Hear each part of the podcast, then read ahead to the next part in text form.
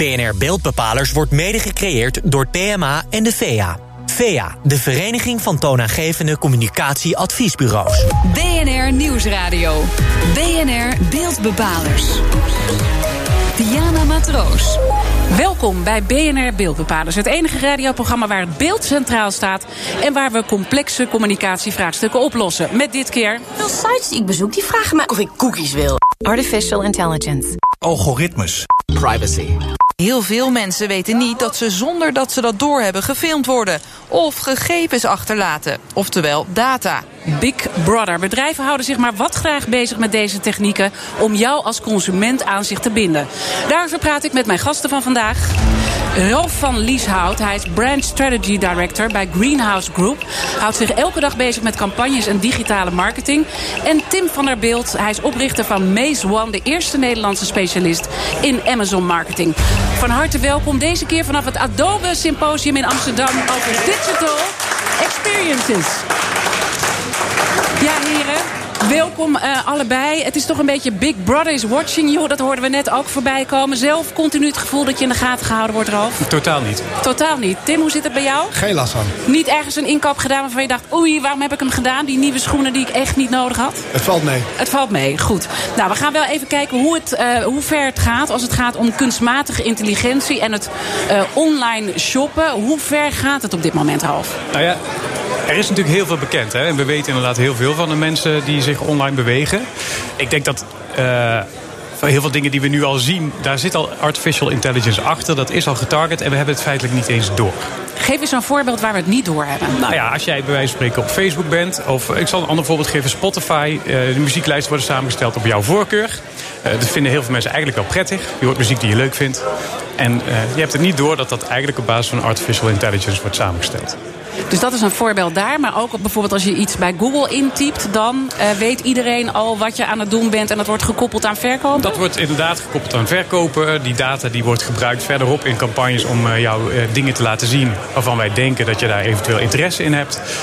en eigenlijk inderdaad, zolang jij denkt van... ja, dat klopt wel een beetje en dat is prima... dan is dat denk ik geen probleem dan is het geen probleem. Maar als je bijvoorbeeld kijkt bij Instagram, het komt wel heel erg dichtbij. Je ziet daar allemaal mooie plaatjes en mooie werelden voorbij komen waar je ook kan aanklikken. Dan kan je meteen wat kopen. Al die advertenties die daar langskomen. Vind je dat te ver gaan? Nee, dat vind ik niet te ver gaan. Uh, zeker omdat mensen zelf nog een eigen keuze hebben hè, om, om dingen aan of uit te zetten. Uh, en ik denk ook, ja, er is natuurlijk een kantelpunt waarin relevant, irritant wordt of zelfs manipulatief. Daar moeten we heel erg goed op letten. Um, maar goed, ik heb ook wel eens dat als ik word getarget door een advertentie... waar ik totaal niet op zit te wachten... dat ik dat eerder irritant vind dan andersom. Oké, okay, er zitten wat verschillende kanten ja. aan. Uh, misschien goed om even ook uh, met jou te bespreken, Tim.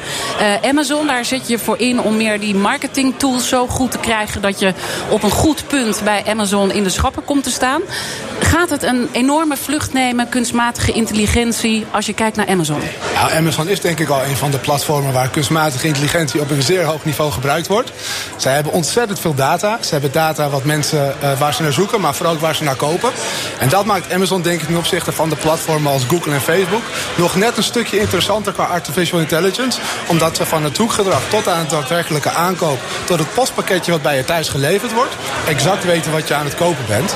Dus ze weten uiteindelijk meer dan Google? Uh, ze, ze, gaan verder, ja, ja, zeker. zeker. En zij gebruiken dat ook om uh, door middel van ja, product recommendations, aanbevelingen toen een consument op die manier weer relevante uh, aanbiedingen te tonen. Want we zien natuurlijk bij Google dat die een search optie hebben. Maar als je kijkt naar Amazon, dan kan je dus en searchen en kopen. Dus zij hebben een veel completer pakket. Uh, er, is, zijn natuurlijk berichten dat ze echt naar Nederland gaan komen nu. Uh, ja, die, gerichten, die berichten zijn al heel lang. Maar op dit moment zijn ze een groot distributiecentrum aan het bouwen net over de grens bij Venlo in München-Gladbach. Dat distributiecentrum wordt 120.000 vierkante meter, mega groot. En ja, vanuit daar is de Benelux-markt ontzettend goed te bedienen. Dus in de wandelgangen binnen Amazon uh, wordt het ook al het Benelux distributiecentrum genoemd. En dat is ergens halverwege volgend jaar waarschijnlijk klaar. Dus ja, dan is de kans wel heel groot dat ze naar Nederland komen. En dan worden wij dus natuurlijk als samenleving daar ook mee geconfronteerd. Ja. En je ziet natuurlijk ook wel andere spelers zoals Bol.com die al heel groot zijn hier. Hebben ze echt nog eh, een moment om echt onze markt te bestormen? Of Nou, zijn ze al te laat gewoon? Nederland is natuurlijk al heel ver. We zijn al echt gewend aan same-day delivery, aan hoge service en dergelijke. Maar je ziet dat Nederlanders geven op dit moment al meer dan 200 miljoen euro uit op het Amazon-platform. Dus ja, er is al markt in Nederland voor. Dus dat zal alleen maar verder Het is groeien. niet eh, tegen te houden en eh, bepaalde ontwikkelingen zullen ook alleen maar verder gaan. Wat denk jij dat er nog op ons af gaat komen als het gaat om artificial intelligence? Nou ja, wat ik net ook zei. Het, het, het is nu al in de wereld om ons heen. En dat zal denk ik nog veel meer worden. Eh, waar we op moeten gaan letten is eh, de momenten waarin het eh, ja, misschien zeg maar, op het ethische vlak zeg maar, iets te ver gaat. Waarin het echt manipulatief wordt. Eh, ja, ik denk dat soort dingen, daar gaan we misschien op een gegeven moment tegenaan lopen. Dan moeten we misschien gaan kijken naar overheden of zo om in te Ja, waar moet je aan denken als je denkt aan die maatschappelijke impact en die ethische discussie dat het mogelijk te ver zou kunnen gaan? Ja, bijvoorbeeld in China, eh, daar heb je een soort van social credits die je kunt verdienen. Dus ehm, op het moment, of juist kunt kwijtraken. Dus op het moment dat je bijvoorbeeld misdraagt in het openbaar vervoer, dan gaat het ten koste van je social credits. En die mensen die moeten bijvoorbeeld meer betalen voor hun verzekering. Daar kun je over gaan discussiëren of je op die manier inderdaad eh, van data gebruik wilt maken. Ja, maar eh, zoals het tot nu toe gaat, dus dat je eigenlijk je eigen reclamezuil gaat krijgen, dan vind je niet dat het te ver gaat. Want je zou ook kunnen zeggen, je komt in een soort bubbel terecht en je wordt eigenlijk niet meer verrast. Dat, dat is zeker terecht. En eh, daarom vind ik dat het allerbelangrijkste is dat mensen het gevoel hebben dat ze controle hebben over wat ze te zien krijgen. En daar dus ook op kunnen ingrijpen. Ik vind dat in Europa daar best relatief veel aan gedaan wordt. Hè, dus eh, eh, door de Europese wetgever. Ehm, ja, dat, dat zijn wel belangrijke dingen. Dus de consument moet in controle blijven. En die moet het gevoel hebben van ja, weet je, ik bepaal wat ik te zien krijg. Vind jij dat het te ver gaat? Eh, ik vind niet dat het te ver gaat, maar ik denk, in, in tegenstelling tot wat Ralf zegt, ehm, ik denk de wetgever is heel belangrijk, maar uiteindelijk is het de consument zelf die de grenzen gaat aangeven. Eh, je hebt gezien dat eh, de data leakage bij Facebook, eh, dat is best wel eh, ingeslagen als een bom. Ik denk dat dat ook te maken heeft dat daardoor Facebook op dit moment niet verder aan het groeien is, dat consumenten wellicht hun opties aan het heroverwegen zijn. Dus ik denk dat consumenten zelf heel goed hun grenzen aangeven. Ja, daar gaan we dan straks over verder praten. Want kunstmatige intelligentie is er al en gaat nog een verdere vlucht nemen. Hoe kunnen consumenten en bedrijven daar nou het beste mee omgaan? Zometeen meer in BNR Beeld. BNR Nieuwsradio. BNR Beeldbepalers. Welkom terug bij BNR Beeldbepalers. Dit keer hebben we het over kunstmatige intelligentie... die bedrijven maar wat graag inzetten...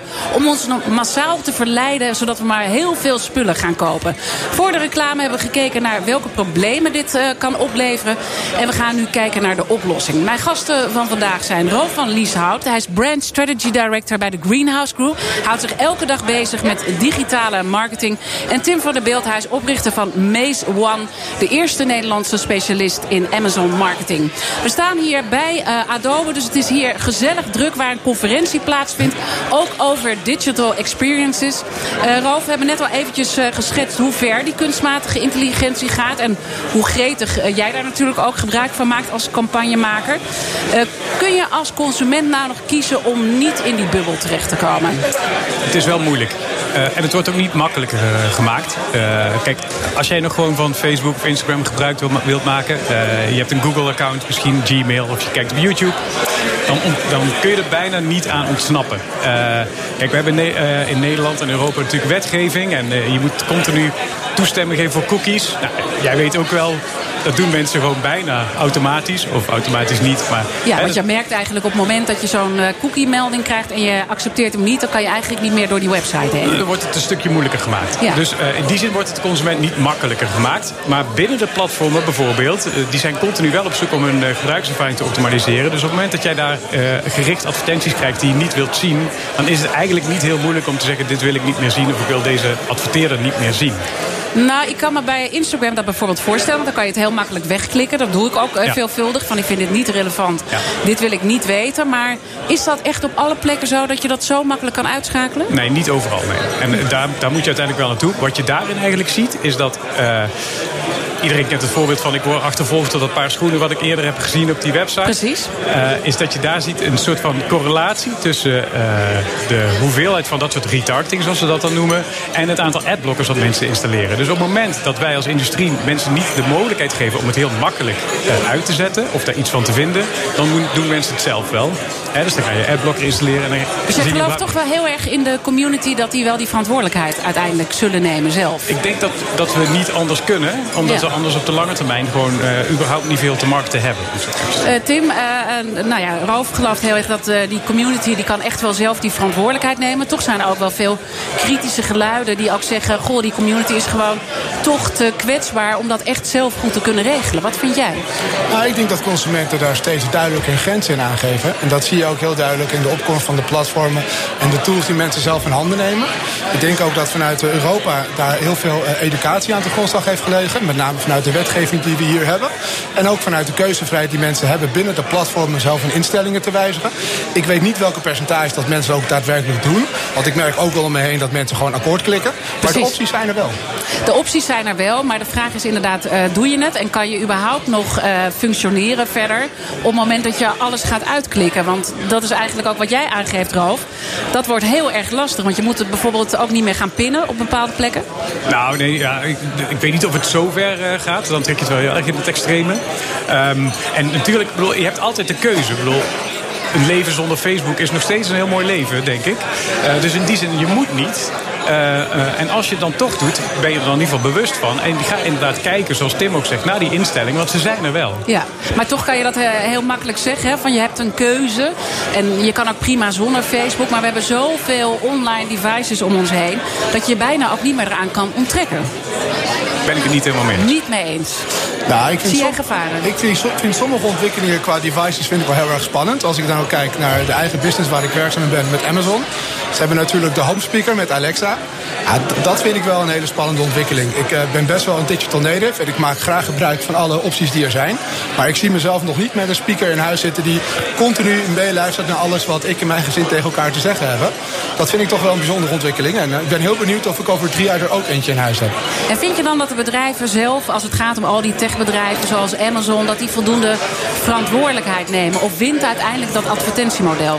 Nou, wat ik een bijzondere ontwikkeling vind, en dat is denk ik van de afgelopen uh, jaar, anderhalf jaar, is dat er steeds meer um, betaalde modellen komen. Dat zie je nu bij Spotify, dat zie je bij YouTube. Um, ik vermoed dat Netflix uh, over niet al te lange termijn uh, ook met een dergelijk model zal volgen. Waarbij je eigenlijk kunt zeggen, nou, ik wil geen advertenties. of ik wil, ik wil betalen met advertenties. Of ik wil door middel van een subscription fee wil ik betalen. Waardoor je data dus niet gedeeld wordt of niet verkocht wordt aan adverteerders in ieder geval. Dus je verwacht wel dat, dat consumenten ja. meer mogelijkheden ja, gaan krijgen. Absoluut. Zie jij dat ook gebeuren? Ja, ja het is wel, ik zie het inderdaad ook gebeuren. Het is wel interessant. Ik had laatst iemand uh, horen zeggen. Die zei eigenlijk van... Dus als je die lijn doortrekt... dan worden advertenties eigenlijk een soort belasting... die mensen, die mensen betalen zeg maar, die niet genoeg geld hebben... of technisch niet weten hoe dingen werken. Uh, en voor de rest inderdaad, de rest koopt het gewoon af. Ja, ik heb een, mooie uitspraak wel eens voorbij zien komen. If you're not paying, you are the product. en die is geloof ik in deze wel relevant. Absoluut. En wat vinden jullie daar dan van? Uh, ja, nogmaals, het heeft te maken met educatie en keuzes. Ik kan me heel goed voorstellen dat je gratis gebruik wil maken van Gmail... door een unlimited storage te hebben uh, en door middel van advertenties daarvoor te betalen. Of dat je de keuze maakt van, nou, ik wil dat niet... en ik ben, uh, ben erg zuinig op de data die er voor mij gebruikt wordt. Ja. En ik, bepaal, de, ik betaal daar gewoon een, een abonnementsfee voor. Het is heel simpel, hè? Je betaalt of met je aandacht... of je betaalt inderdaad gewoon om, om het niet meer te zien te krijgen. Nou ja, Gratis bestaat niet, Gratis hè? bestaat niet. Dus dat moeten we ons gewoon ook heel goed beseffen als consument... dat ja. dat niet bestaat en dat je daar dus ook wel meer opties krijgt om daar tegen in verweer te komen. Aandacht of privacy, een van de twee moet je inleveren. Ja, verwacht jij nog meer vanuit Europa? Want we, we, zien natuurlijk wel dat er nu met die AVG en GDPR, zoals het in het buitenland wordt genoemd, dat er toch wel wat meer paal en perk gesteld gaat worden. Aan de andere kant zijn er ook een hoop mensen die zeggen, joh, ze lopen veel te ver achter de feiten aan. Nou, dat is natuurlijk ook, dat is zeker waar. Ze lopen ook achter de feiten aan. Maar ik, wat ik, waar ik in ieder geval blij mee ben en vind het ook best wel bijzonder. In Europa gebeurt er in ieder geval wel iets. En dat, dat, ik denk dat we ons daaraan moeten vasthouden. En dat we telkens zul je zien dat er een soort extreem opduikt. Bij Facebook hebben we dat gezien, er is een soort extreem opgedoken. En dan vervolgens komt de wetgever achteraan. Dat zal niet veranderen. Um, ondertussen denk ik dat dus de voorlichting en de kennis bij de consument uh, groeit. Ik denk dat dat uiteindelijk zeg maar, er wel voor gaat zorgen dat het redelijk binnen de perken blijft. En als je even vanuit die consument een en ander beschouwt... en je bent dus heel erg uh, bezig om nou ja, die, die, die consument te beïnvloeden... om uh, zaken te kopen. Um, heb jij dan nog bepaalde waarschuwingen voor de bedrijven? De manier waarop ze dat doen? Ja, kijk, wij hebben binnen ons bedrijf... Uh, we noemen dat een Consumer Friendly Marketing Manifest. waarbij we heel erg proberen te, voor te houden... dat je een lange termijn en een korte termijn doelstelling hebt. Richt je te veel op de korte termijn doelstellingen... ben je heel erg aanwezig, irritant aanwezig... dan kan je daar op de lange termijn de prijs voor gaan bepalen, betalen... als mensen zeg maar, gewoon jou gaan blokken. Dus uh, bewaak die balans. Zorg ervoor dat ook je korte termijn doelstellingen... Zeg maar, in een consumentenvriendelijk pakketje worden gestopt. En dat geldt natuurlijk uiteindelijk ook uh, voor Amazon. Die moet daar ook uh, waarschijnlijk een weg in vinden. Alhoewel Amazon zal gewoon gaan voor het grote geld, toch? Amazon is wel een super commercieel bedrijf. En dat is er denk ik wel eentje die door de wetgever aan, de, aan banden gelegd moet worden. Juist omdat ze zo verschrikkelijk veel informatie over mensen hebben. Hoe moeten ze dan aan banden gelegd worden? Nou, ik denk dat ze Europa een mooie stappen gezet hebben. Ik denk ook dat uh, uiteindelijk zal de wetgever altijd de extreme volgen. Dus je kunt het moeilijk omdraaien. Er zal eerst een, een uitschieter moeten zijn waarna de wetgever reageert. Maar Amazon heeft op zich de keuzevrijheid binnen het platform heel duidelijk. Dus je kunt heel duidelijk inloggen. Dus heb je een Prime abonnement of heb je geen Prime abonnement. Op het moment dat je het wel hebt, ja, dan geef je dus al je voorkeuren aan. En krijg je gepersonaliseerde advertenties, gepersonaliseerde product recommendations te zien. En dus het, het management zit er wel al in. Maar er zal nog wel een stap gemaakt kunnen worden voor Europa, denk ik. Ja, en, maar welke stap, dan ben ik er nou zo benieuwd naar. Welke stap zie jij voor je? Nou, kijk, het is natuurlijk een Amerikaans platform. En het is echt gericht op, op sales. Dus uh, Amazon heeft een relatie met, met zijn consument. Die stellen ze bovenaan alles. Ik denk dat er, uh, als je nu ziet wat er gebeurt binnen de, de instellingen die er zijn... binnen de andere twee grote platformen, binnen Google en Facebook... dan denk ik dat Amazon daar nog wel een paar stappen te maken heeft. Ja, want, want sowieso kunnen we natuurlijk wel met elkaar vaststellen... dat deze bedrijven een enorme monopoliepositie hebben. En dat ze wellicht gewoon een beetje te groot ja. gaan worden en te veel macht hebben. En die creëren ze bewust. Uh, dat is heel duidelijk. Als je, als je Amazon heeft wat dat betreft echt een, een, een strategie... waarbij ze een markt uh, binnenkomen. Waarbij ze die markt eigenlijk volledig gaan domineren... en uh, daar marktleider in worden. Waarbij er weinig ruimte is voor andere spelers.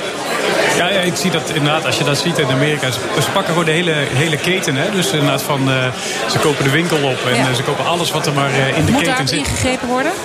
Ik denk dat zoiets in uh, Europa wat minder snel geaccepteerd wordt dan in, in Amerika. Ja, dat denk ik wel. Maar of, ja, goed, wie, wie daar wanneer daarop moet worden ingegrepen, dat, dat weet ik niet. Toegekomen aan de conclusie. En uh, vandaag staan we met elkaar stil. Hoe ver gaat nou die kunstmatige intelligentie? Uh, welke informatie krijgen we nog tot ons? Met name ook als het om online shoppen gaat. concluderend, wat denk jij dat ontzettend belangrijk is om als maatschappij te beseffen? dat de consument uiteindelijk de controle heeft en houdt op wat hij zelf wel of niet wil ervaren. Dus je ziet toch echt heel erg dat die community de verantwoordelijkheid moet pakken en ook aan kan. Absoluut.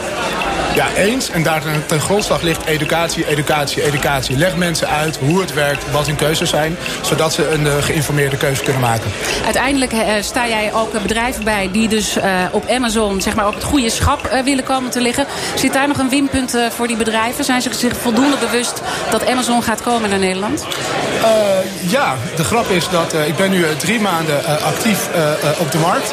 En nou, het aantal aanvragen van bedrijven die eigenlijk aan mij vragen van... ja, wat moet ik met dit platform, wat kan het en hoe moet ik ermee omgaan... die zijn enorm groot. Is niet meer een vraag van, moet ik er iets mee, maar wat moet ik ermee?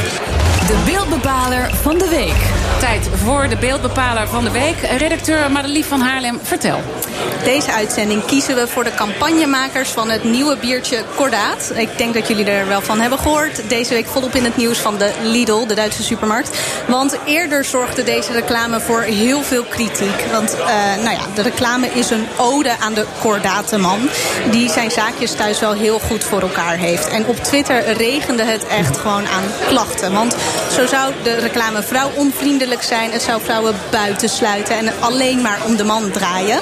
Nou ja, nu komt de Lidl met een nieuwe reclame. En die dus wel de vrouwen aanspreekt. Uh, luister maar even mee naar een kort fragment.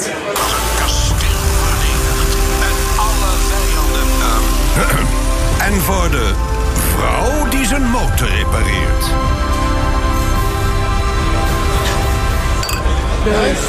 Ja, voor degenen die de video nog niet hebben gezien. Eerst zie je dan een vrouw die naar de mannenreclame kijkt. Ze schudt haar hoofd en als ze opkijkt... dan ziet ze een vrouw aan de motor sleutelen. En dan proosten ze uiteindelijk samen met een kordaat biertje. En um, nou ja, we hebben hier natuurlijk twee mannen uh, aan tafel... die zich continu bezighouden met het verkopen van producten... en uh, hè, hoe je dat nou neerzet. Dus ik was wel even benieuwd, Ralf. Uh, hoe heb jij gekeken naar deze reclame van de Lidl? Is het een slimme zet geweest? Ja, ik vind het een hele knappe campagne. om een aantal redenen. vooral, het is natuurlijk helemaal vooruit gepland. Hè? Dus ze wisten van als we dit gaan doen, dan krijgen we ophef. Heel veel word of mouth, heel veel discussie. Uh, en vervolgens hebben ze het antwoord zelf al klaarstaan. Nou, dat vind ik, het is goed uitgedacht, goed uitgevoerd. Uh, of uiteindelijk de consument daar ook echt heel erg mee bezig is. Dat doet er feitelijk uh, eigenlijk helemaal niet toe. Gewoon een knap, knap staaltje marketing, absoluut. Ja. Maar je zegt of de consument er uiteindelijk mee bezig is. Hebben ze hier dan wel effect mee, denk je, op die consument? Ze hebben er zeker effect mee natuurlijk, omdat ze er heel veel mensen mee bereiken. Maar als je gewoon kijkt, de, de discussie die plaatsvindt op Twitter... en dat zijn toch vooral de marketing- en de mediaprofessionals... die onder elkaar zeg maar, respect uitdelen of commentaar hebben. Uh, de gewone Nederlander die ziet een aantal verschillende tv-commercials voorbij komen... en die denkt van, leuk, leuk nieuw biertje. Ja, Gaan daar zijn we niet uh, mee bezig. Uh, Tim, heb jij er nog een beetje naar gekeken, naar die reclame? ja, zeker. Ja? Het is tegenwoordig ontzettend moeilijk om met een reclame... om boven het maaiveld uit te stijgen. En dat heeft Cordaat, denk ik, met een hele slimme marketingstrategie... ontzettend intelligent ingestoken. Ja, ze hebben er ook weer veel aandacht voor gehad. Maar ook, ook, bij ons. Maar ze zijn dus de beeldbepaler van de week. En als ik jullie zo hoor, hebben ze dat ook wel verdiend. Ik wil uh, Madelief van Haarlem danken. Dank ook aan mijn gasten, Rolf van Lieshout. Hij is Brand Strategy Director bij Greenhouse Group... en houdt zich dus elke dag bezig met digitale marketing en campagnes maken. En Tim van der Beeld, oprichter van One, uh, Maze One... de eerste Nederlandse specialist in Amazon Marketing. Dit was BNR Beeldbepalers. Terugluisteren kan via de site, de app, iTunes of Spotify. Mijn naam is Diana Matroos. Tot volgende week. BNR Beeldbepalers wordt mede gecreëerd door de VEA en PMA. PMA, Platform Media Adviesbureau.